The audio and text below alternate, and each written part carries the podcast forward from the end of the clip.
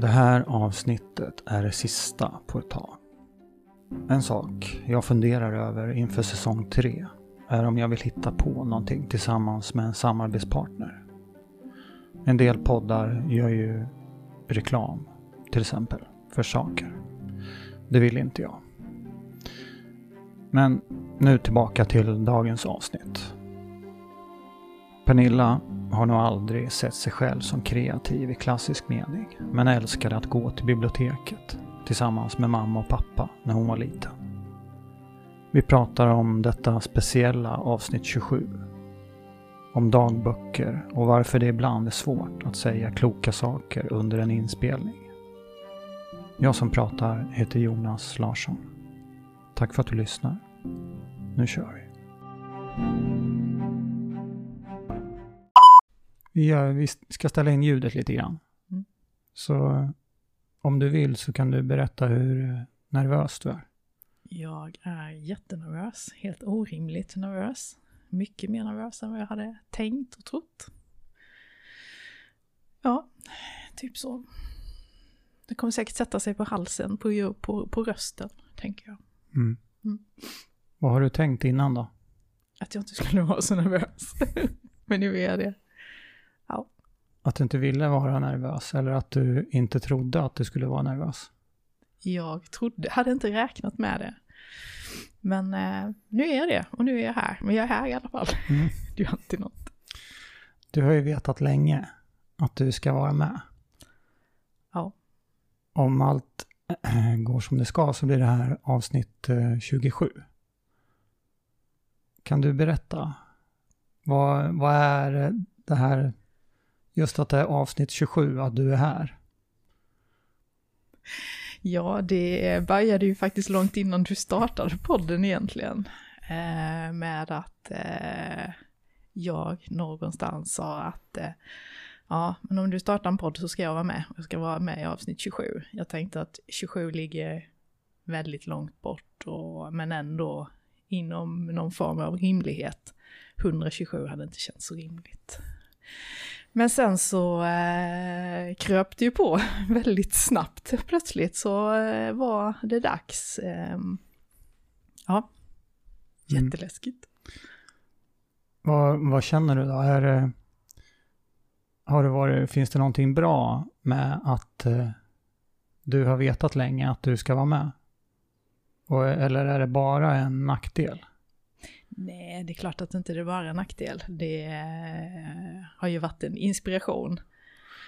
Men eh, just nu, eftersom jag är en människa som gärna ser eh, katastrofer och, och nackdelar, så just nu så, så ser jag mest det här prestationskravet, prestationsångesten, att jag har lyssnat på alla de andra avsnitten och hört hur fantastiskt bra alla svarar och hur kloka alla är och hur kompetenta och insiktsfulla de är och så känner jag att men oj, jag har ju ingenting att bidra med. Jag vet ingenting. Jag kan inte komma ihåg någonting.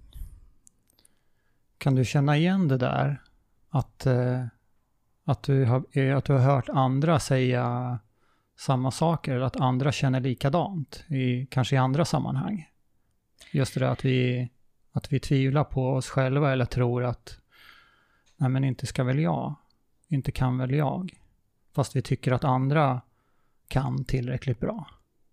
Ja, det har jag ju säkert gjort, eller det har jag klart att jag har, men inte den omfattningen ändå. För jag är ju sån hela tiden, tycker jag. Och jag tycker att många framstår ju som extremt självsäkra och kanske rädda på insidan, men man säger inte det så mycket. Eh, just nu kan jag väl inte, jag känner att alla som har varit här i den här podden, eh, i mitt huvud i alla fall, i min fantasi, så har alla varit väldigt trygga och lugna och kunnat svara direkt. Och, och framförallt kunna hålla en tanke i huvudet. Jag är ju jätterädd att när du frågar någonting att jag inte ens ska komma ihåg vad det var du frågade, för mina tankar får iväg åt alla håll och kanter. Mm. Så att eh, det är lite av min rädsla just nu, att Mm. fastna i, ja vad var det nu egentligen han frågade? Och det, det kanske inte hjälper dig, men jag känner ju också att det är, det är en utmaning. Att jag kommer inte riktigt ihåg vad jag har tänkt eller vad jag kanske har sagt innan. Även om, även om du kanske tycker det är nu, om du lyssnar. Mm. Men, men det gör jag inte. Så att det... Ja, det känns Jag bra. vet jag menar att, det är, att det är normalt att eftersom det inte handlar om att bara berätta någonting som man har tränat eller övat på att säga. Mm, mm. Men är det normalt? Alltså, tänker du att det är så att så här känner alla eller, eller är det... Jag tror att eh, jag tror att det är olika. En del eh, kanske inte alls funderar över det, de bara är. Och en del eh, eh, jag vet inte om det finns någon koppling till imposter syndromes. Som, alltså att där vi kan känna att vi är en bluff. Mm. Eller att vi tror att vi är att andra ska komma på att vi inte Ja, den egentligen känner jag av just nu. Men jag tänker, hur, hur ska vi göra då för att, eh, för att det här samtalet ska bli bra? För, för oss. Jag tänker att vi bara och, och, och fortsätta och prata på så lugnar jag nog ner mig efter ett tag och känner mig trygg och eh, inte så läskigt och Mm. kanske glömmer bort eh, lite det här prestationskravet som, som egentligen inte finns men som jag känner att jag Mm. någonstans har. Men vi kanske kunde börja med att prata lite grann om då vad, vad är, eller hur, hur är ett bra samtal? Om vi, om vi nu vill försöka få till det idag. Alltså jag tänker att ett bra samtal för mig i alla fall, det är ju när båda kommer till tals, när det blir, när det där, när det flyter, när man känner att ja, jag hör vad du säger och jag kan bygga vidare på, eh, på det jag tänker och att inte det bara är den ena som pratar eller den ena personens perspektiv. Eh, det, det tycker jag är ett bra samtal och när man kan prata lite om, om högt och lågt och gärna samtal som börjar i en ände men fortsätter liksom och bygger på och kanske landar i någonting helt annat än det man började prata om. Mm. Det gillar jag med samtal. Kommer du ihåg vad, vad den första meningen var i dagens samtal? Nej, Nej. ingen aning. Gör du? Nej. Och, och då är ju frågan, spelar det någon roll? Alltså att, apropå det här att kunna komma ihåg eller hålla en tråd. Nej, just nu gör det ju inte det, men eh, jag kommer ju säkert när jag går härifrån och tänka att oj, oj, oj, vad sa jag nu egentligen och vad började jag med? Och, och fram till det här avsnittet publiceras så kommer jag Mm. säkert att fundera mycket på att oj, oj, oj, vad sa jag nu egentligen? Och hänger det ihop och är det förståeligt? Och är det någon annan som fattar vad jag pratar om? Kreativitet. Mm. Vad är kreativitet för dig? Har du haft någon tanke på, på den frågan innan? Eller, hur, eller så här, jag omformulerar frågan. Eftersom jag vet att du har lyssnat på, på eh, många avsnitt innan. Så har du hört vad många andra har svarat. Vad har det satt igång för tankar när du hör andra prata om vad kreativitet är för dem? Ja, alltså jag återigen landar i det här, gud vad alla är kloka. Eh, jag tycker ju att de andra som har varit här tidigare före mig, de har ju svarat oerhört klokt på, på den frågan och jag tänkte shit, hur har de kommit på allt det där? Eh, så det har ju gett mig mycket nya tankar kring vad faktiskt kreativitet är. Och eh, innan så har jag väl mer eh, likställt kreativitet, precis som många andra, med det här med att rita och, och måla och sjunga och de här klassiska sakerna. Men pratar man då om det här begreppet med existentiell kreativitet så är det ju ett mycket mer spännande område tycker jag och någonting som jag kan känna mig mer hemma i än den andra formen av kreativitet. För det här har jag alltid tänkt att nej, det är ju så långt ifrån vad jag är. Jag är absolut inte kreativ. Jag kan varken sjunga eller rita eller så, men jag kan nog vara hyfsat kreativ när det kommer till andra delar, kanske jobbmässigt och jag älskar ju workshoppa och brainstorma och sådana saker och kan man sätta det med likhetstecken med kreativitet så, så gillar jag det.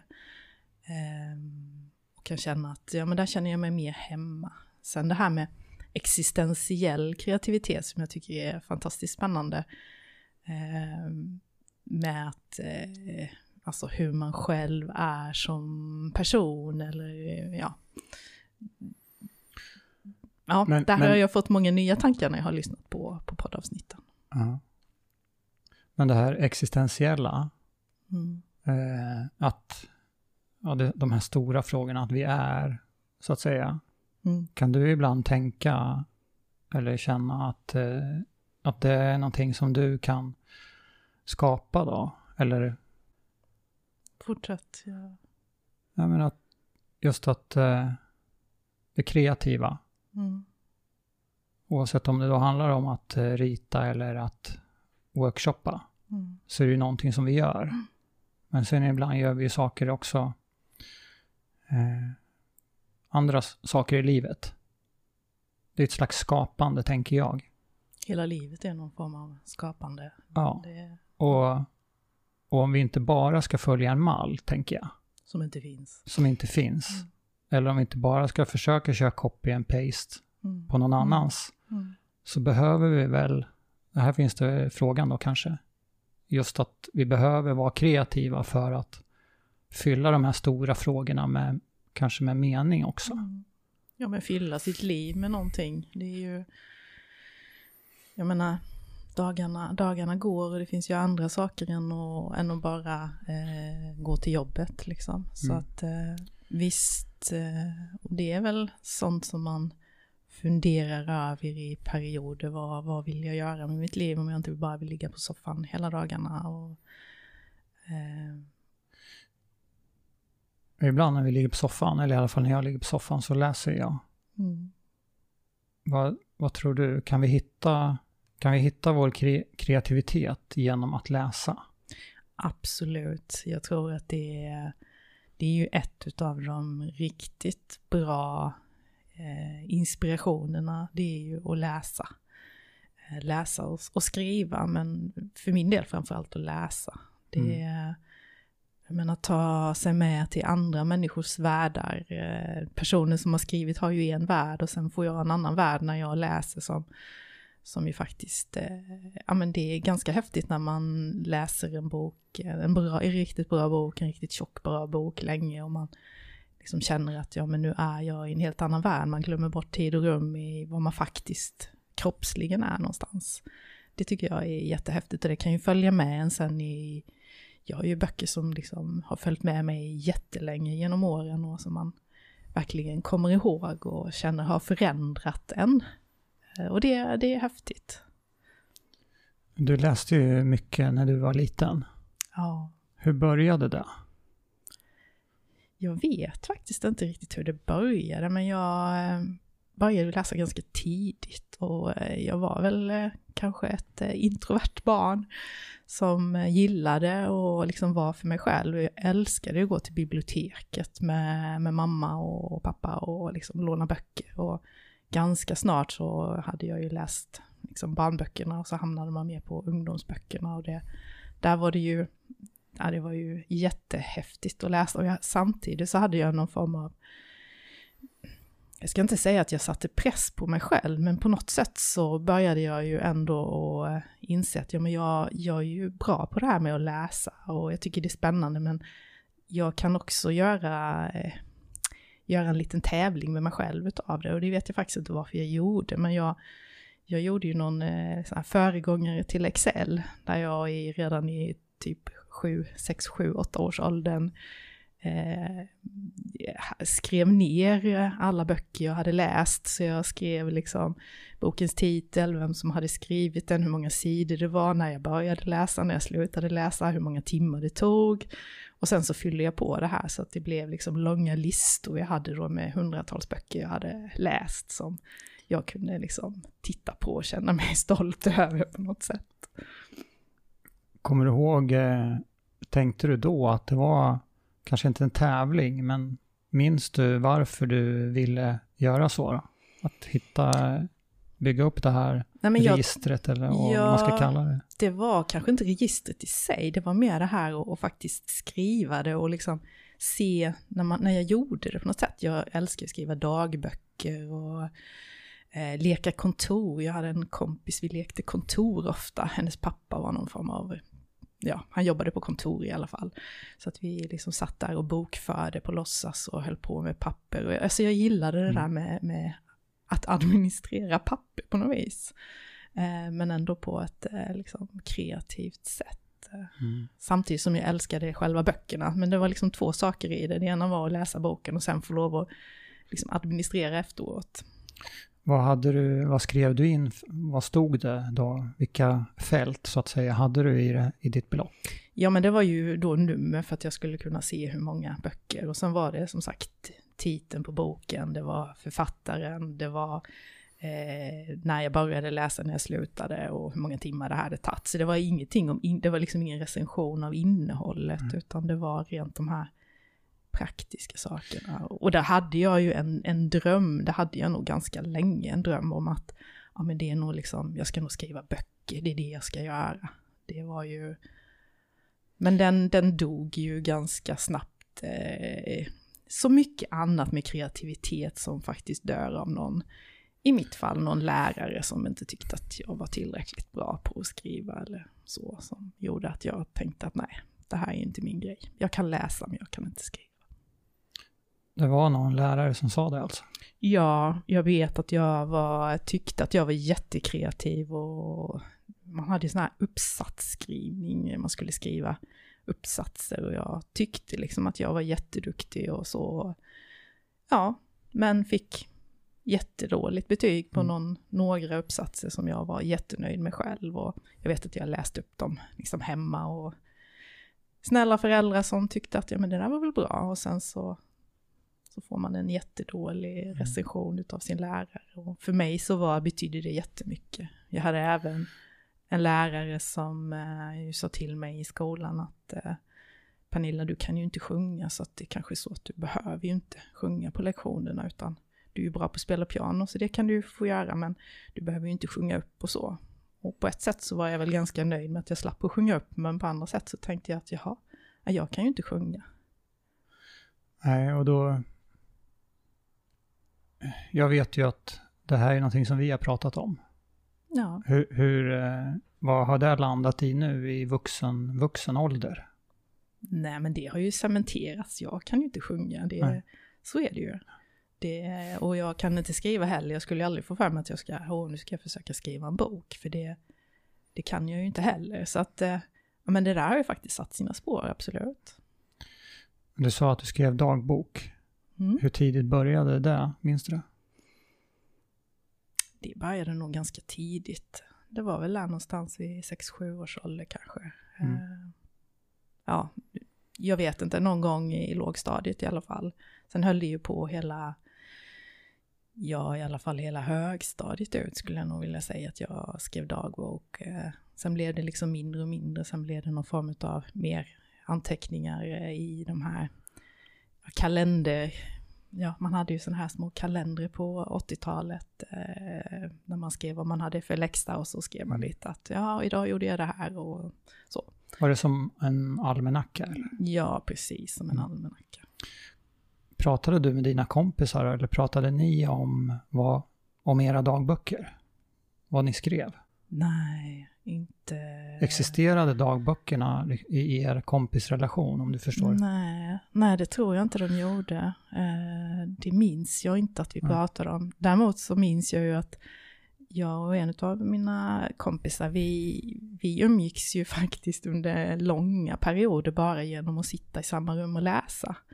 Vi kunde ju liksom hänga en hel helg och så satt vi egentligen bara på mitt eller hennes rum och så satt vi och läste varsin bok. Eh, och vi var jättenöjda med det liksom. Det var, ja, det var liksom, ja, det var det vi gjorde. Vi mm. satt och läste ihop. Vi kanske inte pratade så mycket eller ens liksom pratade om vad vi läste. Vi bara fanns där bredvid varandra. Jag pratade med Eva Hoff tidigare i ett avsnitt om låtsaskompisar. Mm. Eh, minns du om, om du hade några när du var liten? Ja, eh, jag vet inte om jag minns så mycket. Det är nog mer att eh, mina föräldrar har berättat för mig. Men jag hade ju låtsaskompisar. Eh, och nu vågar jag knappt säga vad de hette för då riskerar jag väl att säga fel och så säger mamma att nej, så där hette de inte. Men eh, jag, hade, jag hade nog några, några stycken. Eh, Och det är synd att jag inte kommer ihåg det i huvudet, för det är en sån här ganska rolig historia kring, eh, kring en utav dem när jag, ja, det kommer inte ihåg så jag kan Men- inte berätta nej. det. Men eh, du minns inte när de dök upp så att säga? Eh, jag menar kanske inte hur gammal du var, utan om det nu var i speciella situationer när du skulle göra någonting, om du kände dig ensam eller om det var att du behövde känna dig lite modig eller sådär. Nej, det Nej. vet jag faktiskt inte heller. Men som sagt, jag var ju ganska, som jag minns det liksom, så, eh, så var det, ja men det var ju mina kompisar. Det var liksom ingen skillnad på dem och på de riktiga kompisarna. Sen var väl inte jag, som jag minns det heller, något barn som eh, liksom, hade jättemycket kompisar eller eh, så, utan det var, nej men jag nöjde mig med att sitta och läsa och sen så kunde jag, fast det här var ju, låtsaskompisarna var ju innan jag läste, det här var ju liksom när jag var riktigt liten då. Mm. Eh, jag tror de hette Bolla, Bollux eller något sånt här. Mm. Men du sa att du kände dig lite introvert. Alltså att när du läste eller att du tyckte om att läsa. Ja, jag kunde ju känna ibland, jag vet att eh, jag kunde se på andra kompisar som bara liksom var ute och eh, ja, spelade brännboll eller sparka boll eller tennis eller ja, hade liksom massor med sådana här idrottsaktiviteter eller bara ja, var ute och hängde och så. Jag, kunde, jag gjorde ju det också. Men jag stod också med min tennistrainer och slog och spelade brännboll och så. Men jag kunde också då som sagt sätta mig inne och läsa i, ja, ibland i flera dagar liksom. Eh, och det hade ju andra kompisar som absolut inte gjorde, som liksom aldrig skulle få för sig att öppna en bok eller liksom inte ha någon annan bredvid sig hela tiden. Men eh, du läste mycket. Du skrev mycket. Du började spela piano. Mm. Och nu sitter du och säger att du inte känner att du är eller har varit sådär kreativ. Nej, men det var ju liksom utifrån det här att, eh, att läsa har jag ju liksom fortsatt med, så det, men eh, Om vi kopplar tillbaka till, till min fråga då som var att tror du att vi kan bli mer kreativa genom att läsa? ja. Så, så svarade du ja. Mm. Och så... Ja, nu avbröt jag dig med... Du var på väg att prata vidare efter att läsa, men ja, det kommer inte jag ihåg nu. nej, förlåt. Det är nog mer att jag har upplevt att, att liksom andra då är kreativa, att jag får ta del av deras kreativitet. Det är liksom återigen det här med lite prestationskrav. Det är ju inte jag som har skrivit boken, det är jag, jag läser ju bara den. Jag tar del av någon annans kreativitet. Mm. Och sen så kanske jag, det väcker nya tankar i mig. Eh, men oftast så kanske jag inte gör någonting med de där tankarna, utan de bara är där. Och då, då ja men det är väl det här prestationskravet, att kreativitet är när jag liksom producerar någonting i Mm. någon form. Och då, Mm. Du, du nämnde ju workshop, mm. att du tycker om det, att workshoppa. Tänker du ibland att, eh, att du är kreativ eller behöver vara kreativ i ditt jobb? Ja, absolut. Jag, och det, jag tror det har ju börjat, jag älskar ju whiteboard. Alltså det är ju den bästa uppfinningen som har gjorts. Just nu är jag väldigt ledsen att jag har ett sånt litet, litet rum. Så jag har inte ens plats med en whiteboard och det, det begränsar mig jättemycket. Ehm, och det har, kan, det, du, kan vi stanna där lite? Ja. Eh, vad, vad är det som händer på eller vid whiteboarden? Varför tycker du så mycket om, om den? Jo, men det är ett sätt att, och för mig är det ett sätt att, att tydliggöra, alltså när man sitter i en grupp så har jag under många liksom, år och tider och så varit lite frustrerad att man pratar om varandra. Man, man, jag kan känna att vi pratar om samma sak eller olika saker men vi liksom har helt olika bilder. Och då är det, tycker jag att det är jättebra att någon liksom går upp och ställer sig och faktiskt ritar det här som man, eller skriver det här som vi pratar om så man ser det liksom, ja, man ser det i bild. Och då, ja men är det så här det är?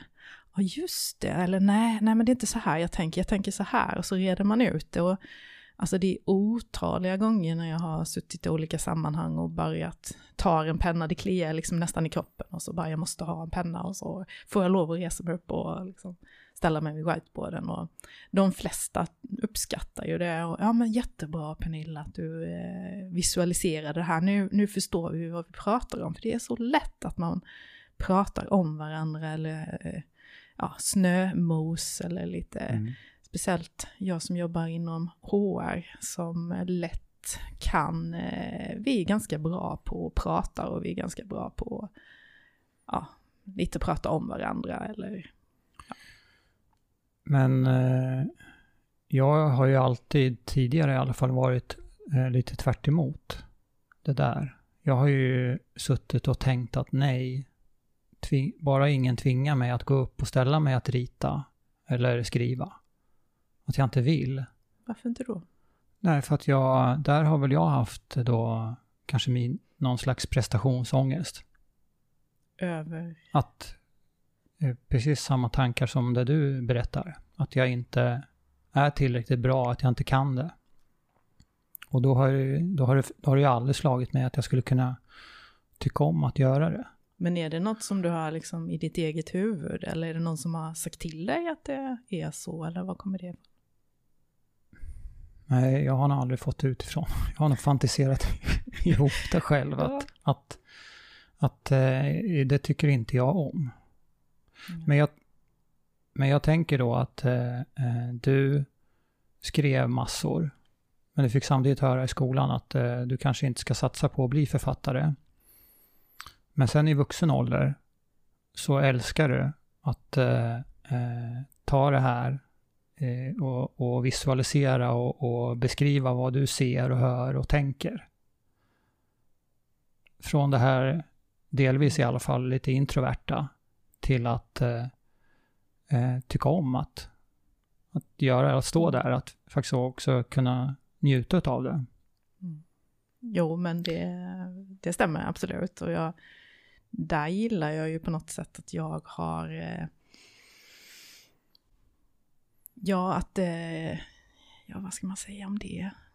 Det låter ju konstigt att säga att det blir på mitt sätt, för det är verkligen inte så jag vill ha det, men det handlar ju mycket om att jag ändå vill förstå. Det är någon önskan om att förstå och förtydliga och samtidigt liksom få med alla andra att också förstå och förtydliga. Jag, jag vill ju gärna gå därifrån och känna att vi har faktiskt en gemensam bild och vi, vi fattar vad det är vi har pratat om. Jag tycker ju väldigt illa själv om att liksom gå från från ett möte eller från någonting där jag känner att jaha, vad händer nu då? Jag vet liksom inte vad nästa mm. steg är. Så att det är ju ren självbevarelsedrift och också kanske någon, någon att jag tror att jag faktiskt kan det här och, och är bra på att liksom få ner vad vi har pratat om. Tycker du om, eh, vill du helst att whiteboarden ska vara helt rengjord? Innan du, jag börjar? När du börjar rita eller tycker du om att fortsätta på vad någon annan har ritat? Nej, jag vill nog faktiskt helst ha den ren. jag vill gärna börja. Ja, ja och det, usch, ja, det låter ju lite egoistiskt kanske när jag säger det, men eh, jag tycker ju det är lättare att börja med en vit helt klart. Eh, och jag kan nog faktiskt till och med bli lite frustrerad om det är någon annan som har börjat att, men shit, så där tänkte ju inte jag. mm. Ja, och det går ju helt emot vad jag själv säger att uh, hur jag vill ha det. Så att... Nej, det tycker jag inte att det behöver göra. Men, men om det är i en annan situation då? Att vi har ett, uh, ett tomt hus. Mm. Tycker du om uh, att det är helt tomt då innan du möblerar? Eller vill du att det ska, ja, ska det finnas lite väggar och grejer i huset? För att du sen ska kunna möblera Förstår du liknelsen? Ja, absolut. Eh, ja, eller, men återigen, där är jag nog lite kluven. Att ja, jag kan börja från ett vitt papper, absolut. Eh, och då är ju min andra lilla dröm som jag hade när jag var liten var ju att bli arkitekt. Så att eh, där gillar jag ju att, att rita upp sånt. Men, eh, men jag kan också tänka mig att börja, alltså hänga på något som redan har påbörjats. Men då kan jag kanske bli lite, lite, ska man säga, bakbunden av om det, om det är någonting som jag inte riktigt kanske hade tänkt eller ens gillar, då kan jag ju kanske fastna i detaljer. Att, Mm. Jaha, men där var en eh, gul vägg. Ja, men oh nej, fy, gula väggar, det kan jag inte tänka mig ha. Och så, så fastnar jag i det. Ehm, ja. När får du flow? Ja, det, om jag visste det exakt så hade jag velat ha det hela tiden. Vad är flow för dig? Ja men flow är ju när det, när det liksom bara flyter på och det känns jättebra och man känner att gud vad det här är intressant. Alltså för mig flow kan ju vara mycket samtal, att man får flow i ett samtal och känner att ja men gud nu, nu, prat, nu, nu händer det liksom någonting eh, och vi bygger vidare på någonting och man glömmer lite tid och rum och känner att gud vad det här är roligt. Eh, Samtalsflow är väl det som jag liksom gillar mest när det handlar om flow. Varför tror du att det händer då? Ja men det är väl när två personer liksom verkligen eh, tycker att det här är intressant att prata om och eh, både lyssnar och, och sätter sig in och förstår och, och vill, vill. Alltså man kan ju vilja, vad ska jag säga, men man vill väl men man, man kan ju ha motstridiga åsikter eller det är verkligen inte så att det måste vara att vi, man håller med varandra men när man ändå vill den andra väl och, och liksom bygger vidare och vill förstå och vill sätta sig in i hur den andra tycker och tänker. Men när du sitter själv då och, och jobbar, händer det ibland då också att den där känslan infinner sig? Ja, det gör det ju. Det gör det ju absolut. Eh, och det är ju rätt skönt när man känner att ja, men nu, nu, nu gör jag massor, nu producerar jag eller nu får jag äntligen det här. Ja, men jag kan tycka att det finns ju en del så här surdegar som man liksom, ja, man lägger underst i högen hela tiden och känner att nej, men på något sätt så har jag någon, eh, någon konstig trygghet i att eh, ja, men det finns en tid, det kommer en tid när den där surdegen plötsligt lossnar och man känner att ja, men nu, nu får jag flow. Det är precis som att ibland så vet jag att eh, ja, men jag kan bara låta den där ligga för det kommer, det kommer liksom komma till mig om ett tag och då, Mm. då får jag flow i det. Eh, och det är helt ologiskt för jag vet egentligen inte när det sker eller att det kommer ske. Jo, att det kommer ske vet jag. Men jag vet inte när. Men jag kan ändå vara trygg i att nej, jag, jag kan vänta med det där. Du sa ju att du, om du visste det så skulle du se till så att det hände Mm. typ hela tiden eller ofta. Ska jag tolka det rätt då att du har inte kommit på, du har inte knäckt koden hur, hur du behöver göra för att det i alla fall ska hända på beställning?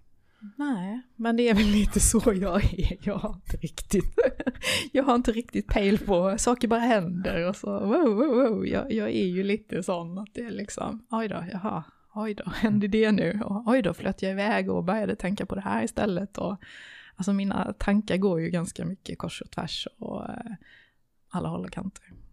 Men är du receptiv då? Då när det händer, lyssnar du på? På flowet? Att, ja, att eh, du sa ju att, du, så som du beskrev det själv, att du far hit och dit och ja, du beskrev det ju som, som ja, lite så att det är svårt att förutse. Men en del av eh, att vara kreativ skulle ju kunna vara att, eh, att lyssna på det där. Försöker du göra det liksom, eller försöker du tygla? Ja, jag önskar jag kunde säga att jo men det är klart att jag gör det helt logiskt Vilket? och så. ja, men, är receptiv. Men det kan ju vara så att jag faktiskt bara följer en tanke helt ologiskt som visar sig vara en bra tanke men det kan också visa sig att det var en, Mm. helt, eh, ja, en helt onödig tanke eller någonting helt fel. Så att Mm. nej, jag är nog inte ens så klok att jag liksom, eh, utan jag jag bara följer eh, en tanke och ibland så funkar det och ibland så eh, är det ju inte, ger det inte någonting. Men om vi skulle försöka att vara lite kreativa Mm. här och nu. Med att eh, i alla fall tänk, tänka någonting kring eh, vad, vad behöver vad behöver finnas på plats för dig om du nu är exempelvis på jobbet. Vi ska prata om, som någon slags hygienfaktorer för att det överhuvudtaget ska finnas en bra grund för att det här flowet ska kunna uppstå? Förutom en whiteboard då. Ja, Eh, ja, en whiteboard är väl en, är en väl en bra är en början? bra början. Eh, Går du upp till den då? ja, Alltså, men nu har jag ju ingen så det är jättejobbigt. Eh, Finns det ingen i närheten? Jo, men den har jag ju ockuperat och då fick jag ju lite... Nej, jag ska inte säga att jag fick själv, jag hade, jag hade några medarbetare som hade lite synpunkter på att jag hade ockuperat den och Pernilla, nu får du faktiskt sudda ut det här, nu har det här stått väldigt länge. Ja, jo, men jag håller ju på.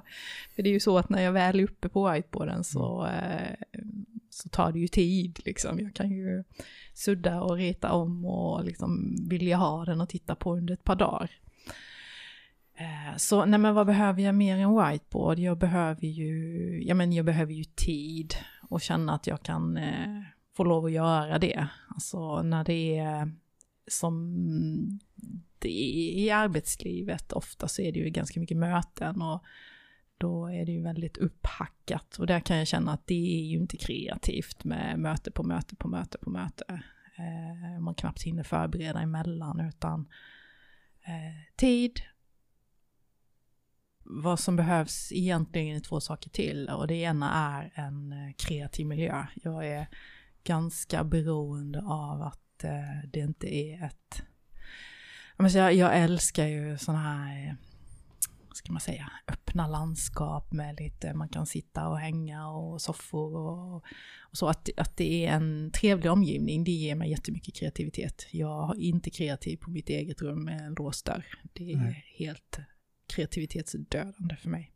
Sen behöver jag ju andra människor. Eh, Uppstår, eh, om du försöker se lite bakåt, eh, när du känner det här, det här flowet uppstår, mm, är det oftast tillsammans med andra eller är det ja. även när du sitter själv och arbetar? Nej, oftast är det ju tillsammans med andra.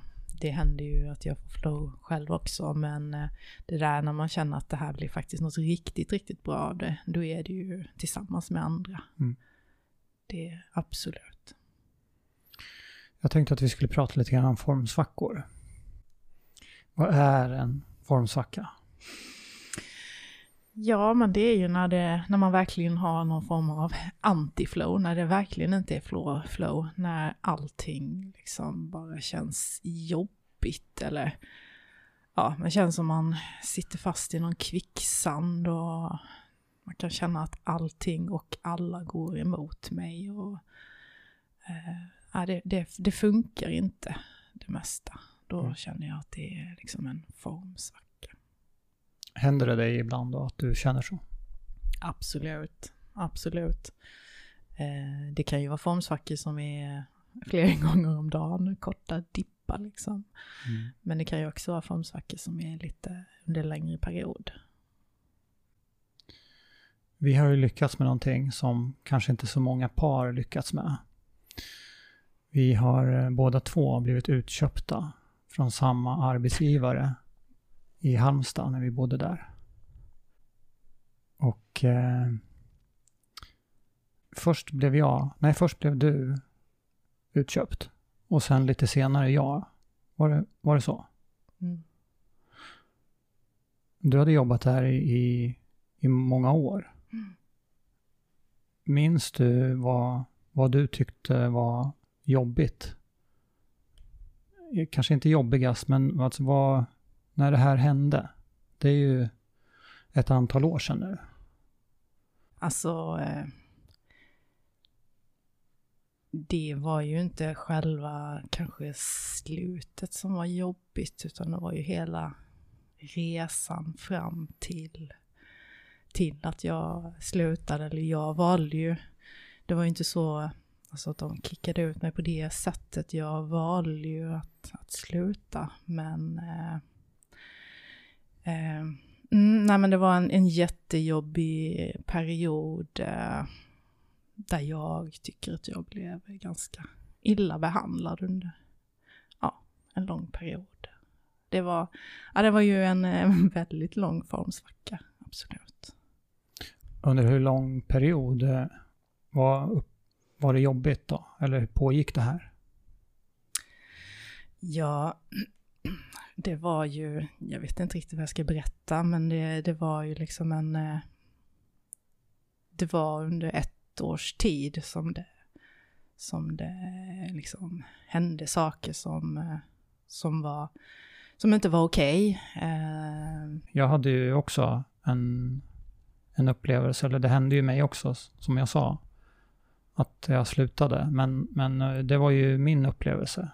Alltså att, men men, men- Jag, jag, kan ju, jag kan ju veta vad jag tyckte, vilka bitar som jag Mm. tyckte var jobbigast med vad, vad var som hände. Och då menar jag inte jag kanske just sakfrågan, Mm. utan eh, Ja, men när man tycker att man blir orättvist behandlad, när jag, jag har inte gjort någonting fel överhuvudtaget, utan det är andra människor som har gjort fel saker mot mig.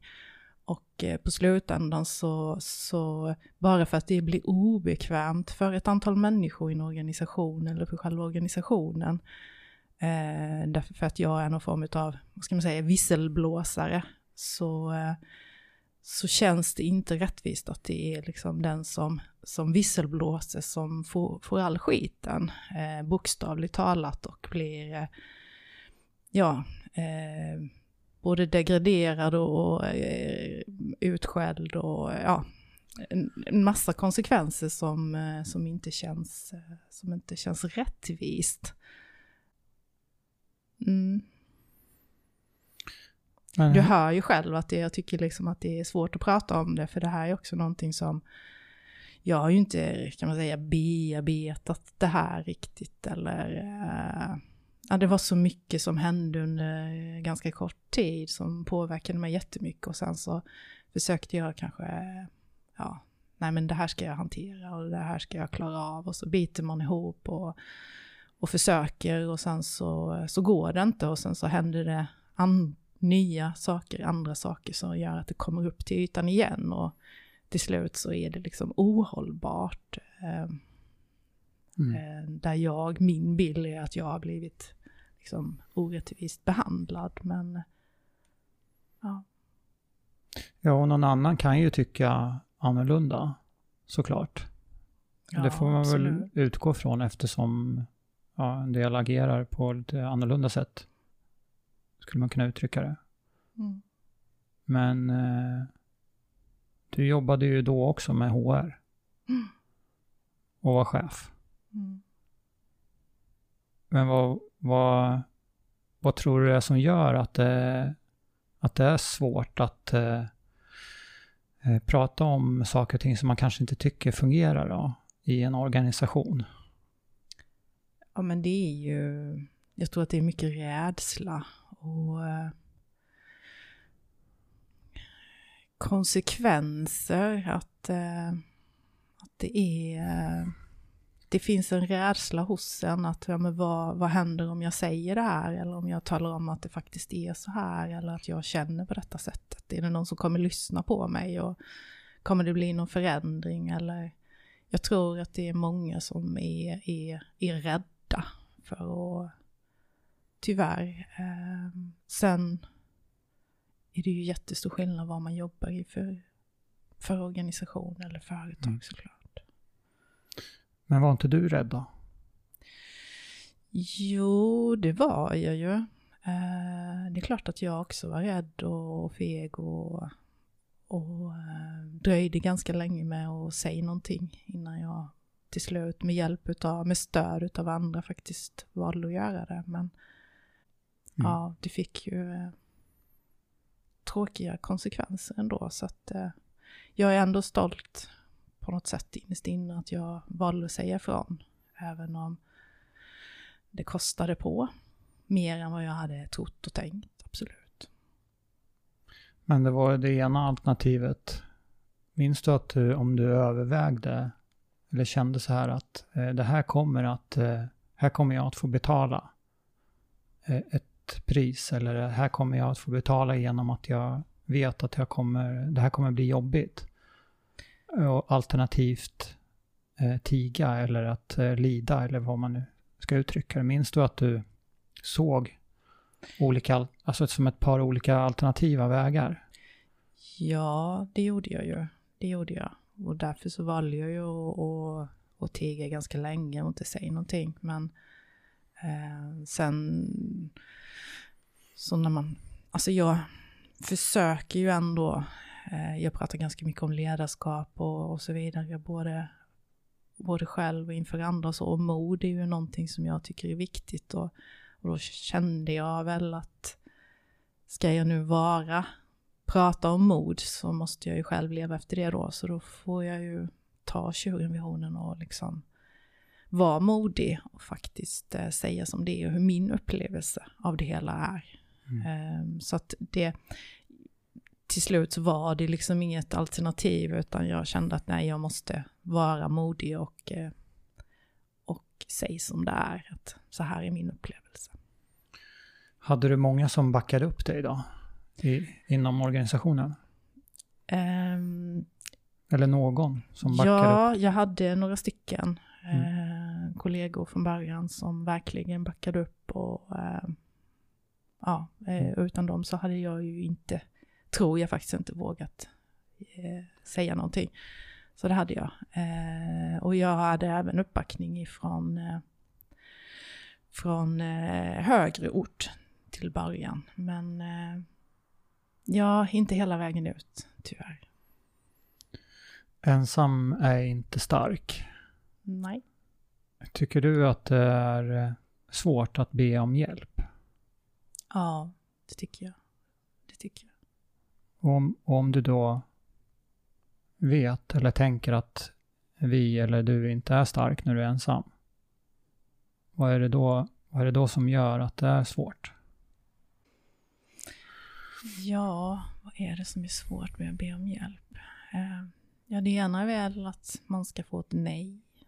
Eh, och det, eh, eller att jag känner att ja, men jag behöver inte, varför skulle de liksom, varför ska jag dra in dem i det här? Eller varför, varför ska de stötta? De har ju fullt upp med sig själva och sitt liksom. Mm. Och det är väl någonting som ligger ganska djupt rotat i mig på något sätt. att nej men varför ska, varför ska de vilja, vilja stötta mig? Liksom, det är ju bara jag, jag, de har ju fullt upp med annat viktigare och jag är inte så betydelsefull och så. Det, det är nog någonting som jag har liksom, ja, när det finns där inom mig på något sätt. Jag tycker också det är svårt eh, att, att be om hjälp. Och nu så när jag ställde frågan så även om det lät så, så, så tänkte jag inte enbart på just det här, den jobbsituationen. Alltså det, utan mer, eller också rent allmänt. Jo men det, det ja, alltså, jag vet om jag, det, alltså det blir väldigt mycket så här när jag var liten, men det, jag vet inte varför jag faller tillbaka till det, men jag, jag hade ju mycket, det här vi pratade om att jag var introvert och det, det hade jag väldigt lång tid med, med att ja men lite sådär att ja men det är ingen idé att jag ringer till någon kompis, varför ska de vilja umgås med mig? Det är ju inte liksom, det var ju lite att be om hjälp, snälla umgås med mig, men nej, det, varför skulle de vilja det? Det finns så många andra. Och det är väl lite det att, ja men varför ska de hjälpa mig eller varför ska man vilja stötta, stötta Pernilla? Det finns ju massvis med andra människor som, som också behöver stöttning och som man kan liksom, umgås med eller vara mm. med eller stå upp för. Lite dåligt självförtroende där tror jag faktiskt. Mm. Du lever ju tillsammans med en man som inte alltid är stark. Nej. Hur är det? Det är helt fantastiskt. ja men det är det. Det är det verkligen. Eh, det här mannen är ju du då. Eh, och eh, men du har ju upp och ner ibland så är du ju inte så stark för att du har fysiska smärtor i ryggen och det, det är det är lärorikt på något sätt att leva med en person som, som emellanåt inte är så stark jag lär mig jättemycket på det och jag tror att jag blir mer eh, ödmjuk kanske och mer förstående inför, inför andra. Sen det, kan det vara jättejobbigt att stå bredvid och, och se hur någon har, i det här fallet, ont. och faktiskt knappt kan, kan röra sig eller göra de saker som eh, han skulle vilja göra. Mm. Det är ganska, ganska maktlös kan jag känna mig emellanåt. Eh, att jag inte vet. Men 17. Och det är ju någonting som jag är. Jag är ju sån där person som gärna vill hitta lösningarna och, och skapa, liksom hjälpa till. Och, Men andra tillfällen då? När jag tvivlar eller ja, har en formsvacka Mm. själv. Hur är det liksom att, att eh, leva med mig då? Nej men det, det, Hur påverkar det dig eller, och hur, hur du mår?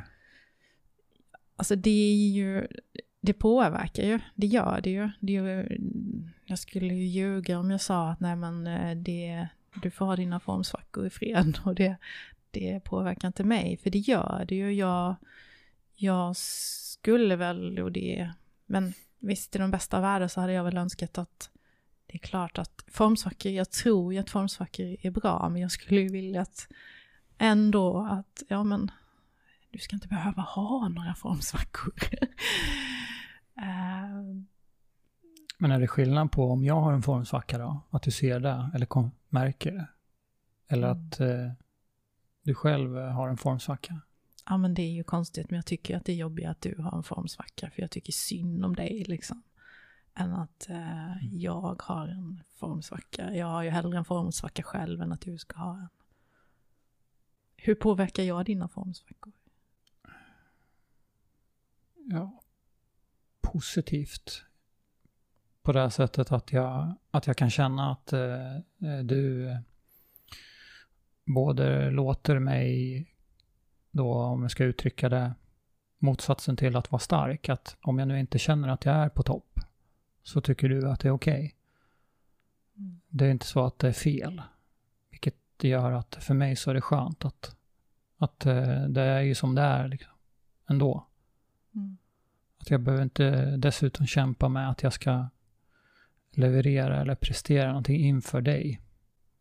Men är det lättare att ha formsvacka om man är om man är två eller är det lättare att ha en formsvacka själv? Jag har, eh, jag har kämpat så enormt mycket ensam. Alltså apropå att be om hjälp.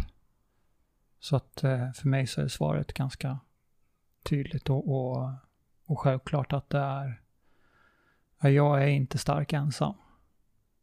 Och det intressanta, eller en intressant koppling som jag kan se, eh, är även att när jag ser på, när jag har presterat bra, eller mått väldigt bra, alltså haft motsvar, motsatsen, en, en formtopp skulle vi kunna kalla det. Eh, eh, eh både när jag har varit, eh, när jag höll på och idrottade, när jag har varit som bäst, eller mått som bäst, så har ju det alltid varit eh, ett resultat av att, eh, eller tillsammans med andra. Mm. Det har aldrig, ingenting av det har varit ett resultat av att jag själv har varit så himla fantastisk. Och det tycker jag är jätteintressant, att ko- den kopplingen till att Mm. när jag är som svagast eller när jag har en formsvacka så, så mår jag ju sämre. Även om det kan vara skönt att vara själv Mm. ibland. Jag har ju också vissa introverta inslag, precis som du. Men det betyder inte att eh, eh, vägen ur en formsvacka, den är, den är väldigt sällan i ensamhet. Men har du svårt, alltså jag tänker det här med att be om hjälp då, att jag finns där eh, är ju, jag ska inte säga självklart, men jag, jag, jag är ju här på något Mm. sätt. Men att be om hjälp ifrån andra, är det, Ja, det, jag tycker det. Jag tror att jag delar det med många. Det är svårt. Det är svårt att säga. Jag eh, mår inte bra. Kan, liksom, kan du på något sätt hjälpa mig? Mm. Om man ska uttrycka det så krasst. men visst är det väl konstigt att det är, alltså det, för jag tänker att både, ja, att både så, du och jag säger ju att ja, det, man vill be om hjälp och att det, och jag tror att både du och jag, om vi får frågan, för det får ju både du och jag ibland, att Mm. någon som vill ha hjälp av oss, så jag ska bara prata för mig själv, men jag blir ju oftast både glad och stolt om någon ber mig om hjälp. Att, mm. ja, men, vad skönt att jag kan hjälpa till och stötta och, och att jag jättegärna gör det. Och varför är det då sen så svårt för mig att själv be om hjälp? Varför är jag bättre på att stötta andra än på att be om hjälp och få stöttning?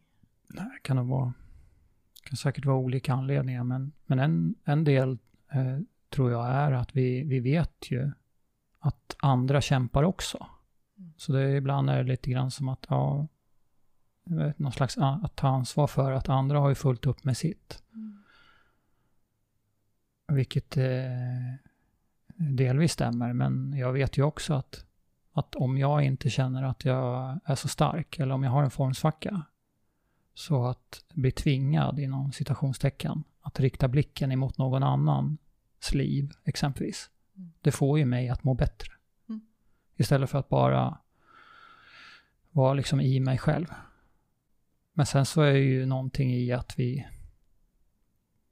oavsett anledning, så, så, så normen är ju att dela och berätta om allt fantastiskt och allt roligt och ja, eh, ja. när saker och ting går bra i våra liv och när vi är duktiga. Och duktig, det är lika med ofta framgångsrik eller att vi har presterat, att vi... Och det är klart att eh, och det har jag upplevt också, att, att dela i ett flöde i sociala medier eller att berätta för någon annan att eh, jag är, mår inte sådär jättebra just nu. Det får inte lika många likes.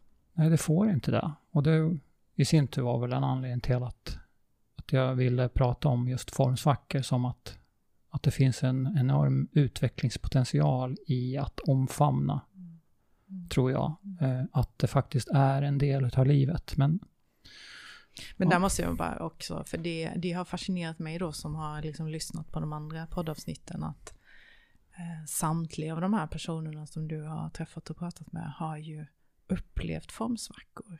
Ganska mycket och ganska många. Det är ju inte någon som, nej men jag lever bara livet i, i rosa fluff och glass och ballong hela tiden, utan alla har ju formsvackor. Mm. Så det är ju inte så att du och jag är unika med formsvackor, utan det är ju verkligen en del utav livet.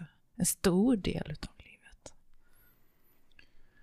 När är det jobbigt att uh, vara du? ja... Ja, det är ju kanske inte jättejobbigt oftast. Oftast är det ganska ganska okej okay, faktiskt. Eh,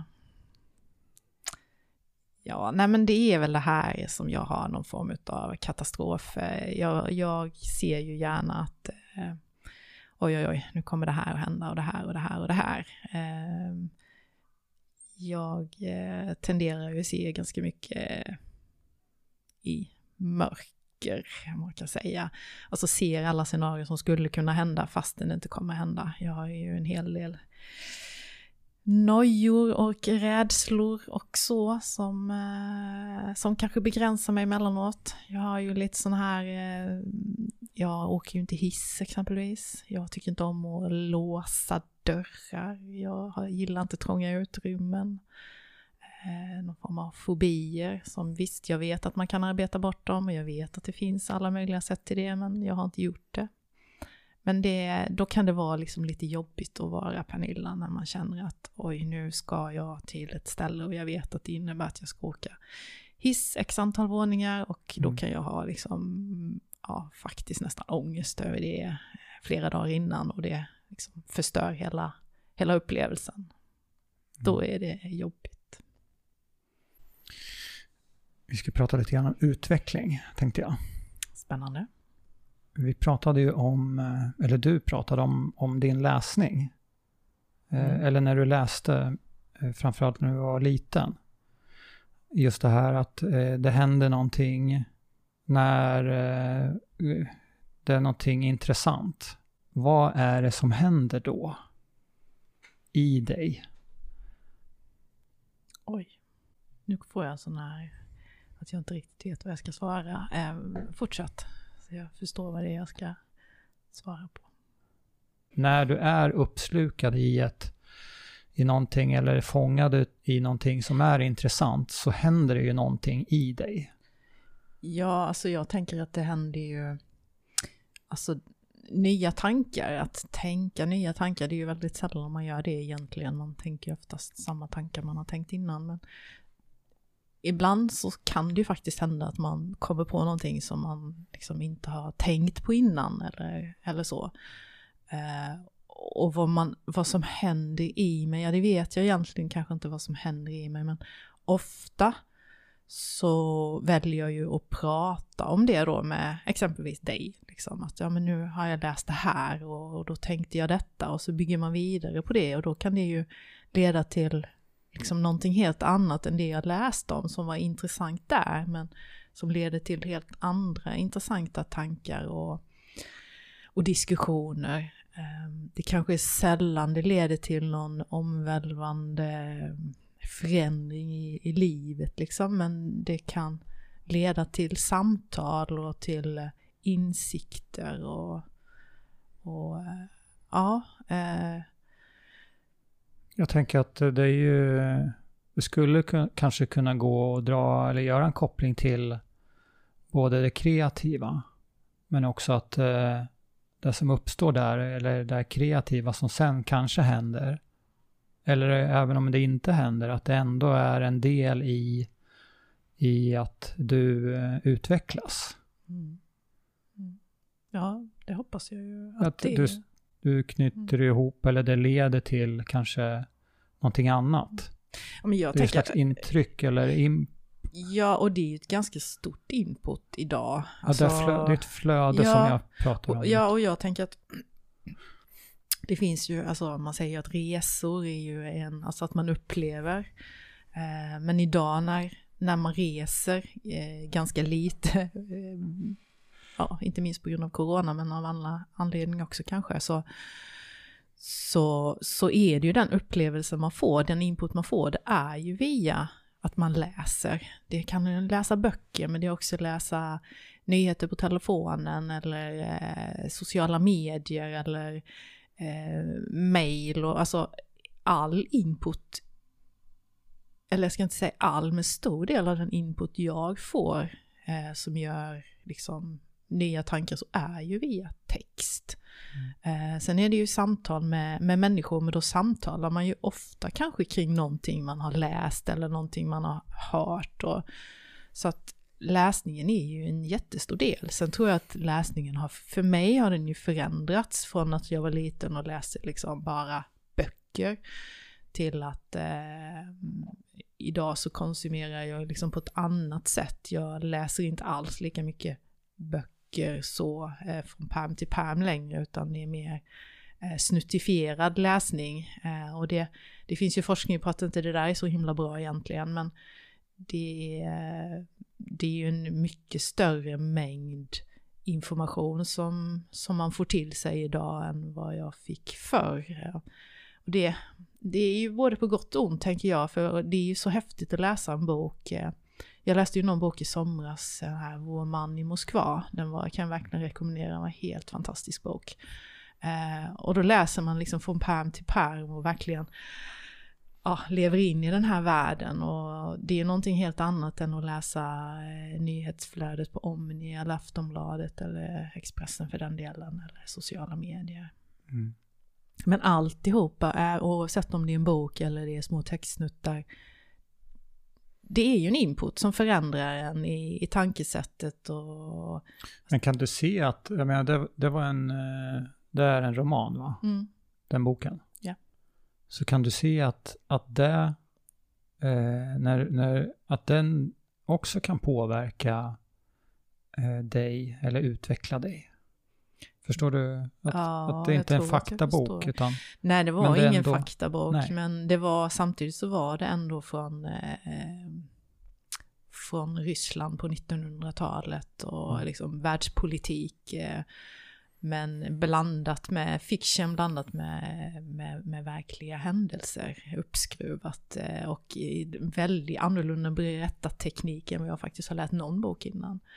Ja, ja det sätter också någon, igång någonting i en, att ja men så där kan man också berätta, så där kan man också göra. Man kan blanda och ge. Är du, är du bra på att uh, ge dig själv en möjlighet då, att det här tillståndet, alltså att när du stänger ut övriga världen och, och låter dig uppslukas? No, yeah. jag kan vi säga att jag är i perioder så är jag ju bra på att läsa, men jag är ju väldigt bra på att bli disträ också och eh, liksom, höra annat och plötsligt så oj då, nu får du en annan tanke genom huvudet.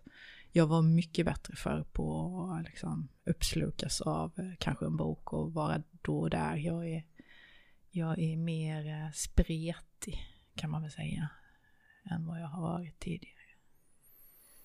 När utvecklas du inte då? Ja, bra fråga. Jag vet faktiskt inte riktigt. när jag utvecklas jag inte. Det är inte så att jag tror att jag utvecklas hela tiden. Det... Men samtidigt så... Alltså jag tror att det är en ständig utveckling ändå. Alltså det är ju... Bara, jag drömmer ju jättemycket på nätterna. Jag är ju en sån person som har extremt mycket drömmar och jag kommer ju dessutom ihåg drömmarna också. Eh, och det är också någon form av, sen kan jag ju prata om dem. Jag vet att jag pratar ju med dem med dig på morgonen och kan berätta, och natt drömde jag det här och det här och det här. Och det är också en form av utveckling. Det kan vara ganska tröttande. Jag kan tänka att oh, shit vad skönt om man bara hade fått sova och slippa drömma hela nätterna med. Men samtidigt så är det ju på något sätt att man bearbetar eh, saker som händer och man hör och läser om och så. Så att jag skulle nästan vilja säga att det är en ständig utveckling. Mm. Jag kan inte säga att jag, nej men när jag sover så utvecklas jag inte. Jo, jag gör nog det med faktiskt. Har du eh, de, de där drömmarna då, eller att du drömmer, mm. tror du att det är någon skillnad på att drömma eh, i vaket tillstånd? Eller att drömma när vi sover? Vad det gör med oss så att säga? Det är det säkert, alltså så så knäppa drömmar som jag har på nätterna, det kan jag inte i vaket tillstånd. Det är kanske därför du inte behöver, du kanske inte behöver ha det när du är vaken, just Nej. därför att du har dem. kan vara så. Då hade, det, det hade, då hade jag varit helt slut vid det här laget. Eh, då kanske jag hade sovit sen, i och för sig, och inte haft så mycket drömmar på nätterna. Eh, vad var frågan? Nej, det var ingen. Utan det var bara kopplingen till det här, eller ett, en fortsättning på att du drömmer. Att, eh... Jo men alltså drömma på, frågan var nog lite om jag drömde på dagen också. Ja men mm. det, det gör jag väl till viss del tänker jag. Men eh, jag kommer tillbaka till den här frågan när du inte utvecklas. Eh, även om jag också tror att vi utvecklas hela tiden, eh, mer eller mindre. Så om vi drar det lite grann mer till ett tillfälle eller eh, tillstånd när du kan känna att här finns det ingen utveckling. Mm. Här står det still ja. så att säga. Det är inte kul. Nej, vad... vad... Nej, när man känner att eh, nu är det liksom bara att förvalta det här och inte göra någonting nytt. Eh, det är ju absolut inte min grej. Eh, nej. Nej, och det, nu, nu blir det väldigt, eh, jag tänker oftast jobbmässigt att man kan känna att Alltså det finns ju de personerna som är förvaltare och tycker att det är jätteskönt och tryggt så. Jag är inte den personen. Jag, eh, Vad beror det på då, tror du? Utan att värdera det som det ena bra eller det andra är dåligt. Men... Nej, men det är väl en önskan om att utveckla och göra bättre och se om det inte går att göra på något annat sätt. Eh, um, ja, men jag, jag drivs jättemycket av att, att förbättra och, och förenkla och göra annorlunda, göra bättre. Eh, jag som jobbar med, med HR är ju mycket göra det enklare för användarna, göra det enklare för våra chefer, för de vi är till för, kunder. Eh, men också nu, nu pratar vi mycket om digitalisering precis som alla andra och det tycker jag är jättespännande att ja, men, eh, faktiskt tänka hela, på helt nya sätt och inte fortsätta med, på de gamla invanda spåren. Och det, inom HR så är vi kanske inte generellt eh, super, super utvecklande utan det kan vara en viss, eh, ja men så här är det och så här ska man göra, så här tolkar man och så. Eh, och där är väl jag mer, ja men kom igen nu då, nu måste vi göra det här på ett annat sätt, det måste gå. Jag tycker liksom att det är kul, jag tycker det är jätteroligt att, att utveckla andra och mig själv och, och sätt arbetssätt och så. Mm. privat då? När du, när du är utanför jobbet? Om du känner Mm. att du inte utvecklas? Om det överhuvudtaget, om det tillståndet ens, eller den tanken är, det kan, jag kanske skulle börja med att fråga om, om du känner det här ibland att, att ja, det händer kanske inte så jättemycket eller att du upplever att du inte utvecklas eller att, eller att du upplever att du skulle vilja utvecklas mer på, no, på något sätt eller tänker du? Ja men där är jag nog mer eh, liksom lugn på något sätt. Där har jag nog inte samma utvecklingsbehov.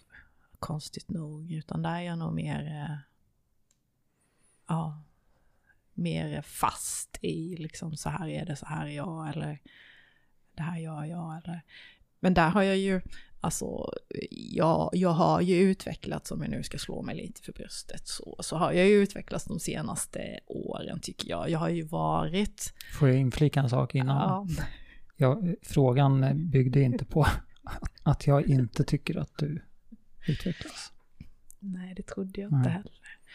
Jag vill ändå Ja, säga förlåt. att jag har ju liksom gjort saker som jag inte har eh, varken ens fantiserat om eller vågat göra tidigare. Eh, allt ifrån att åka motorcykel i, eh, i tunnlar i Norge eh, till att eh, bada året runt i iskallt vatten som jag har varit en enorm badkruka tidigare och ja, det har gått flera år emellan mina eh, överhuvudtaget bada, inte ens på sommaren och nu så badar jag mitt i vintern. Eh, så att där finns ju en viss utveckling och jag menar, vi har skaffat en kolonistuga ifrån att eh, jag absolut inte har haft något intresse av eh, trädgård överhuvudtaget till att tycka att det är helt fantastiskt Mm. skönt och mysigt och roligt att gå och peta i jorden eller påta i jorden och, och luka och sniffa på blommorna och ja, jag tycker det är helt underbart.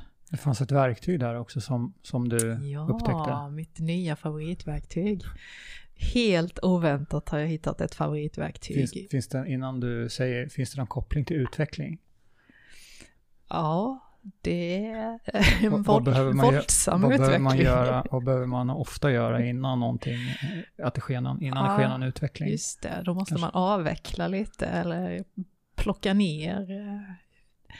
Kofoten var ju mitt stora häftiga nya verktyg som jag överhuvudtaget inte ens förstod vad man skulle använda till innan. Men eh, jag fick en, en guldfärgad kofot, det kanske var det som gjorde det. Och sen gick jag loss på väggar och tak och eh, ja, ja, det var häftigt. Väldigt utvecklande verktyg, otippat utvecklande verktyg. Mm. Och ska jag också då nämna i samband med det här med, med kofot och så, så en annan sak var ju att jag faktiskt var uppe på taket och rev ner eh, hela yttertaket tillsammans med, med dig såklart. Men jag var ju rädd för att ens gå upp för stegen från början och faktiskt grät för att jag inte ville gå upp för stegen. Varför gick du upp då? Därför att du pushade mig att göra det och ja, jag kände att ja, nej, jag, jag, det finns någonting här som jag, om jag bara vågar så finns det en belöning på taket. Vad är din analys?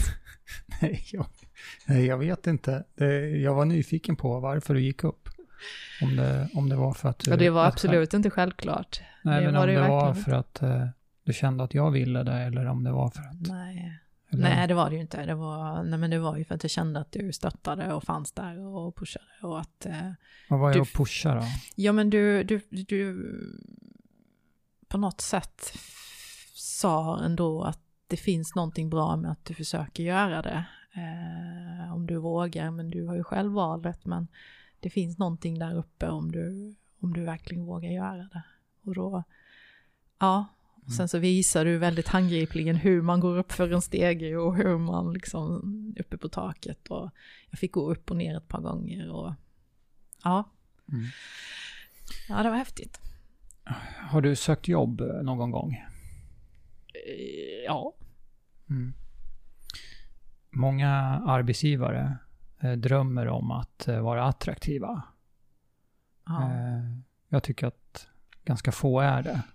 Mm. Men många vill att, eller de, de kan se sig själva att de är bra eller att de har ett bra så kallat arbetsgivarvarumärke. Det är ett klassiskt mål, vara en attraktiv arbetsgivare. Ja. Om vi ska börja där, och varför är det ett klassiskt mål för en arbetsgivare att vara attraktiv? Ja, eh, därför att det är ett... Eh, det är någonting enkelt att säga, men eh, i grunden så handlar det ju om att eh, kompetensförsörja organisationen eller företaget. Och att man vet att eh, är vi inte attraktiva, är det ingen som vill jobba här, så har mm. vi ingen personal. Och har vi ingen personal så kan vi inte driv, bedriva någon verksamhet. Jag började med att fråga om du hade sökt jobb någon gång. Mm. För att det, det jag upplever är att, eh, som jag kanske försökte säga med just att, att en arbetsgivare kan ju uppleva att de själva är bra. Eller mm. att de har ett bra arbetsgivarvarumärke. Men sen så, så finns det ju då en annan part i det här och det är ju kanske någon som eventuellt funderar på att börja jobba hos, hos dem eller den arbetsgivaren. Mm. Och det är inte kanske alltid att den bilden, att den delas. Nej. Tänker jag, okej, okay, hur, hur kan eh, hur kan man eh, få någon slags, eh, vems bild är det som styr? Och vad blir skillnaden i om, om vi bara ska konstatera att en arbetsgivare tycker att ja, men vi är bra? Nej men alltså där tror jag att det handlar jättemycket om transparens. Alltså det går inte att sminka grisen och säga att vi är en attraktiv arbetsgivare och hitta på en massa floskler kring att ja men så här och så här är vi. Och sen så går man ut och så talar man om att eh, kom och sök jobb hos oss för vi är så fantastiska.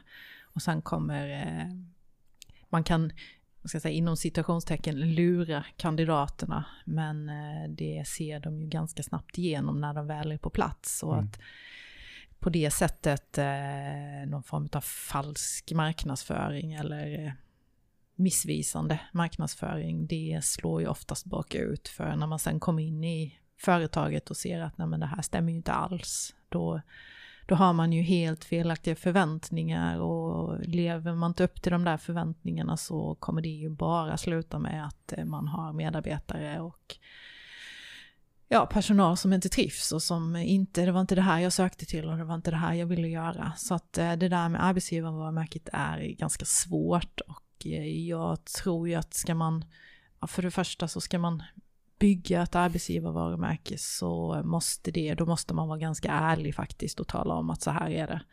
Eh, och det finns ju de som har byggt arbetsgivarvarumärke på att eh, tala om att de är ganska kassa på vissa saker. Som har lyckats med det. Eh, och det tror jag, alltså ärligheten sen oavsett vad den visar, jag tror att den är mycket bättre än att eh, hitta på någonting, att vi mm. är så här fantastiska. Men när du har sökt jobb då, vad har du tittat på då? Eller hur har du försökt, eh, har du försökt att eh, se förbi den här yttre bilden som kanske en arbetsgivare vill förmedla? Ofta tror jag att när jag, om jag bara ska titta till mig själv, när jag mm. har sökt jobb så har det nog inte varit så mycket själva organisationen utan det har mer varit själva själva tjänsten, att den här eh, tjänsten jag söker känns, känns rätt. Liksom. Det här känns som någonting som jag vill göra, som jag kan tänka mig att göra.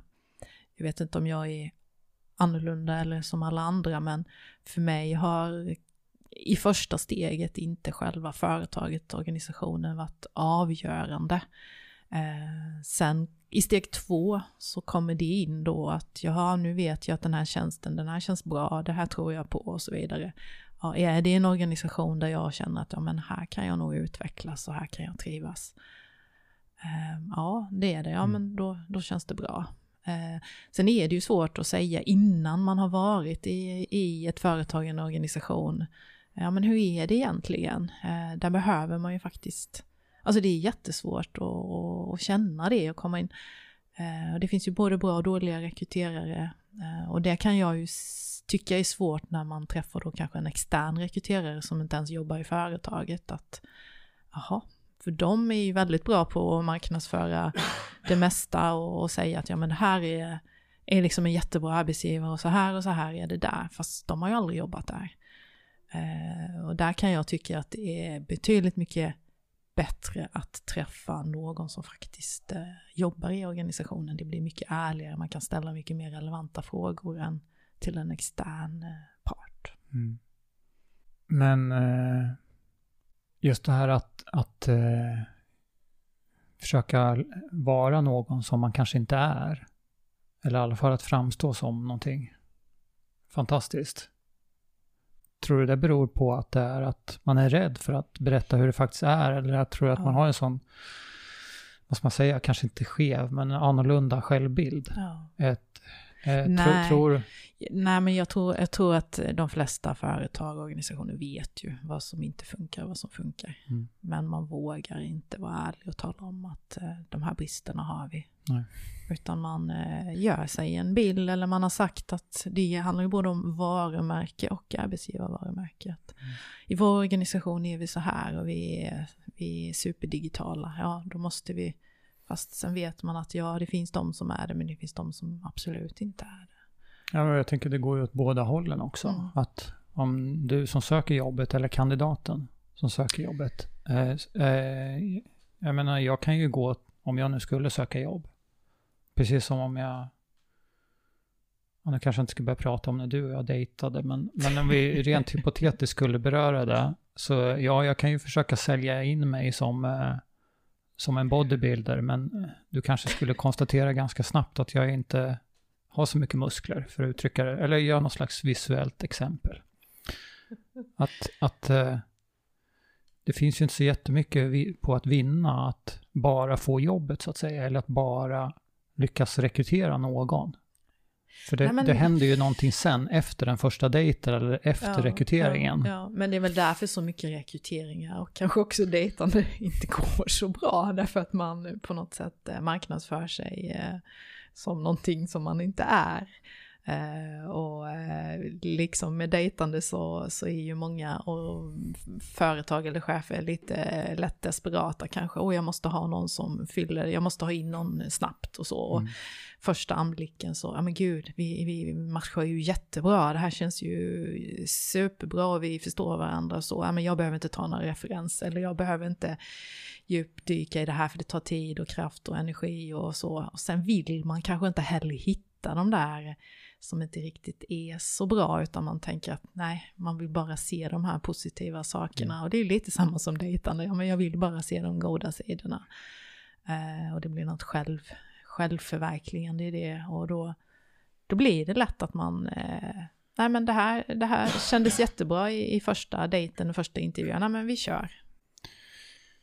Ibland pratar vi om utveckling på jobbet. Eh, att mm. det är viktigt. Men just det här att prata om utveckling, eh, eh en del av oss eh, vill ju göra saker också. Kan du, hur, hur ser du på balansen mellan att prata om utveckling och att göra saker? Alltså vi har ju hos mig, har ju vi en sån att bara göra. Det är vårt lilla eh, mission, bara gör. Eh, alltså prata utveckling och det händer ingenting. Det är ganska energidödande tycker jag. Mm. Eh, jag vill ju få action, jag vill ju faktiskt att det ska hända. Eh, det är lätt att prata utveckling, det är svårare att göra det. Men eh, ja, det är häftigt när det händer. Det är häftigt när det faktiskt blir utveckling och jag kan uppleva att där jag är just nu så har jag, jag måste ju tala om hur fantastiska medarbetare jag har, men det har jag. Ni är helt underbara om ni lyssnar. Um, och där är det... Kommer du tvinga dem att lyssna på det här? Absolut. Nej. Uh, men uh, om någon mot förmodan skulle göra det. Uh, men just det här att jag är ju så imponerad av när vi faktiskt kan prestera någonting. När vi liksom, oj nu har vi en ny, igår, en ny e-tjänst. Mm. Wow, liksom, det här hade vi inte innan. Innan körde vi papper och penna och nu har vi plötsligt en, en e-tjänst för det här. Ja, det är häftigt. När man jobbar i stora organisationer så är det ju väldigt mycket policies och riktlinjer och planer och dokument som ska fram och så vidare. Och sen så nästan kroknar man när man har tagit fram allt det där och, och så liksom, ja nu är det nästa dokument som ska fram och sen händer det ingenting däremellan. Det, det tycker jag är ganska, ja det är frustrerande och jobbigt när man, eh, man tar ju fram allt det där för att det ska hända någonting men oftast mm. så tar energin slut så det blir bara en massa dokument och prat men det blir ingenting av det. Och det gillar inte jag. Jag tänkte att vi skulle varva ner lite grann. Mm. Varför är det så svårt att eh, pausa ibland? Ja, jag är ju kass på det där med att pausa. Ehm, alltså jag tror att när det är flow, då tänker man ju inte ens på att jag behöver en, en paus, utan då, då vill man ju bara bevara det där flowet. Ehm, men pausa annars, ehm, ja varför är det så svårt? Ja, men jag tänker att eller jag i alla fall kan uppleva att eh, det är svårare att pausa när det är mycket. Mm. Alltså det känns... Man går upp i varv och sen så är det svårt att, att ens komma ihåg det. Du har ju ett jättebra tips eller knep hur du gör när du pausar. Du kör ju 29 minuter och sen så har du liksom, så ringer ditt larm och så tar du en paus. Mm. Um, och jag har ju försökt att göra det också på jobbet bland annat och, och göra det. Och av någon märklig anledning så, så funkar ju inte det heller för mig för jag glömmer ju till och med sätta på den där larmet och så gör jag en 29 och sen så tänker jag åh gud det här var jättebra att jag hade en paus här och så går jag runt lite och, och känner att det här var faktiskt väldigt bra. Och sen går jag och sätter mig igen men då glömmer jag ju till och med trycka på den där larmet så att det blir ingen ny 29. Eh, och så ångrar jag mig efteråt att jag, men mm. varför, varför glömde jag den där pausen? Det, det är liksom, det är väl som med mycket annat, man behöver komma in i någon rutin att faktiskt pausa och jag personligen så har jag inte någon rutin för att, för att pausa.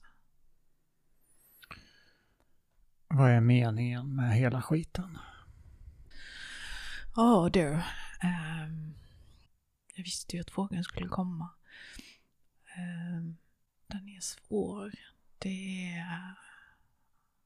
Men meningen, alltså meningen är väl att vara här och nu och, och känna och reflektera och jag ska inte säga att det handlar om att, att vara lycklig och vara, liksom, må bra och så, för det, det är ju inte, för då skulle en väldigt stor del av livet inte vara någon mening. Så att meningen är väl att det ska gå lite upp och ner och, och så. Eh, och meningen rent evolutionärt är säkert att man ska någonstans reproducera sig och generationer ska fortsätta att leva. Men det är ju inte heller bara det som är meningen med livet.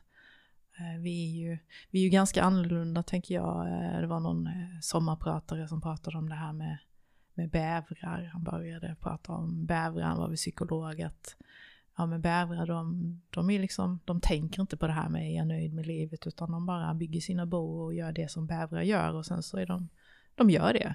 Medan vi hela tiden reflekterar, gör jag nu rätt sak, ska jag göra det här, ska jag göra det här istället och acceptera. Ja, jag vet inte, det, den är jättesvår. Hjälp mig lite på vägen. Vad kan meningen med livet vara? Att bävra. Bävra. ja, det kan vara det kan nytt. Vara en mening. Ja, bävra. Mm. Ja, det kan väl vara olika saker. Kan du se att eh, det är för dig då att det är annorlunda idag eh, i jämförelse med vad som var meningen då för, vi säger 15 år sedan eller 10 år sedan. Eller när du var barn. Mm. Men jag tror att jag reflekterar mycket mer över liksom, livet och vad jag gör och hur det är och så idag än vad jag kanske gjorde förr. Um, och sen när man har, vad säger, som när mina barn var små så då var det ju väldigt mycket fokus bara på att få vardagen att gå runt och ja, fokus på dem och fokus på andra och få rutin och struktur. Det var väldigt, det var väldigt lite reflektion på ja, men hur mår jag egentligen och vad vill jag egentligen och jag körde nog ganska mycket på bara. Mm. Liksom, ja, någon form av bild som jag kanske hade, så här är livet, så här ska livet vara och nu gör jag på det här sättet. Eh, och jag tror att jag med åldern är mer ifrågasättande och mer kanske, ja, man kanske skulle kunna göra så här istället. Och, men vad är det som säger att man måste göra på det här sättet och vara på det här sättet eller agera på det här sättet. Och, så det kanske också är lite meningen med livet att man utvecklas efterhand, att man faktiskt blir en, liksom en bättre version av sig själv hela tiden. Um, hur har det gått idag då, tycker du? Uh, Inte att vara en version utav nej, dig själv, utan det här samtalet. samtalet. Ja, alltså det är ju, jag hade ju extrem ångest över det här och jättemycket prestationsångest. Och, alltså det är ju alltid som sagt roligt att, att prata med dig och det är kul att prata på det här sättet, för det har vi inte gjort innan. Uh, och det är spännande frågor och så. Men jag känner ju hela tiden att men gud, jag säger ju ingenting. Jag borde ha sagt något helt annat. Jag borde ha kommit med några kloka kommentarer och någonting som ingen annan har sagt eller kommit ihåg och citera den här och den här. Eller, ja. Mm. Så jag saknar väl... Eh, Tänker du så när vi har samtal Nej. annars? Att du värderar det som men då kan man hela tiden komplettera. Här blir det svårt att komplettera. Att, nej men nu kommer jag på mm. det här. För när vi stänger av så är det ju, så är det ju ofta tycker jag i samtal eller så. Mm. En, men jag skulle ju sagt det här, det här glömde jag säga. Eller det här viktiga tog jag inte upp. Eller jag skulle ju sagt det på det här sättet istället. Det är så lätt i efterhand. Eh, och där började ju du faktiskt att fråga om det här med, med rummet, om att möblera ett tomt rum eller ett rum som redan är påbörjat. Mm. Och där tänker jag att det är mycket lättare att redigera ett samtal som är påbörjat än ett tomt samtal. Liksom. Och säga något. Skulle jag lyssna på detta nu som vi har pratat om så, så kommer jag ju hitta jättemånga kloka saker som, ja men det där skulle jag tagit upp där och då. Mm. Men just nu var jag inte klokare än så här. Nej, jag behöver ju inte egentligen fylla på någonting där, men, men jag började ju med att fråga om hur, hur är ett bra samtal då för oss? Om vi bara ska mm. prata om hur det känns för oss. Och då sa ju du att okej, okay, vi, vi lyssnar och mm. Men det har, kan vi, jag väl har känna. Gjort det, eller? Nej, det kan jag väl känna att jag, och återigen, då kommer ju min kritiska order här då, men då kan jag ju känna att men jag har ju pratat alldeles för mycket. Jag skulle ju vilja liksom att du pratar mer och jag prata mindre och att jag frågar dig lika mycket som du frågar mig. Men där är jag ju för nervös på något sätt eller för... Eh... Men du vet också att det är du som är gästen. Ja. Här. Och det är ju inte så i våra vanliga samtal att jag är gästen och du, du frågar mig. Nej. Då är det mer på lika villkor. Så att ja. Eh, det är klart att det blir ju inte samma Nej. kanske flow som ett vanligt samtal mellan dig Det blir annorlunda i alla fall. Det blir annorlunda, mm. ja. Ska vi säga så? Det kan vi göra. Mm. Tack för att du ville vara gäst nummer 27 yes. i Vad är meningen med hela skiten?